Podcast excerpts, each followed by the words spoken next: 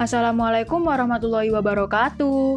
Hai sahabat podcast Surah Media, apa kabar semuanya? Semoga pada sehat ya.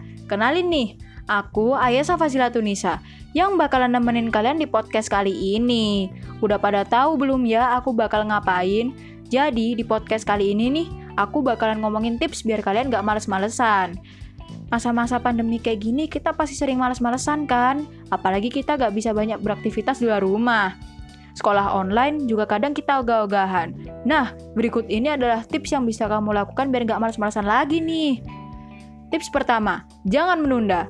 Tahu kan akibatnya kalau suka menunda? Yaps, tugas dan kewajiban kalian bakal menumpuk. Dan pastinya kalian gak mau kan punya tumpukan tugas.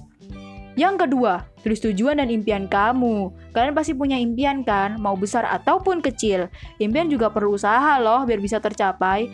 Mana bisa kita menggapai mimpi kalau malas-malasan?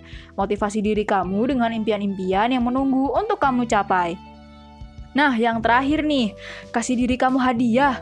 Yep, hadiah atau reward tiap kamu udah nyelesain satu target kamu. Misal nih, hari ini kamu udah nyelesain tugas matematika yang udah menumpuk dari kemarin. Nah, kamu bisa kasih diri kamu reward dengan bebas nonton film plus cemilan.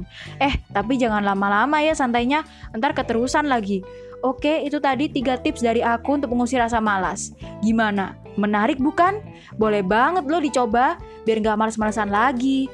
Oke, sekian ngobrol-ngobrolnya sama aku. Sampai ketemu lagi semuanya. Wassalamualaikum warahmatullahi wabarakatuh.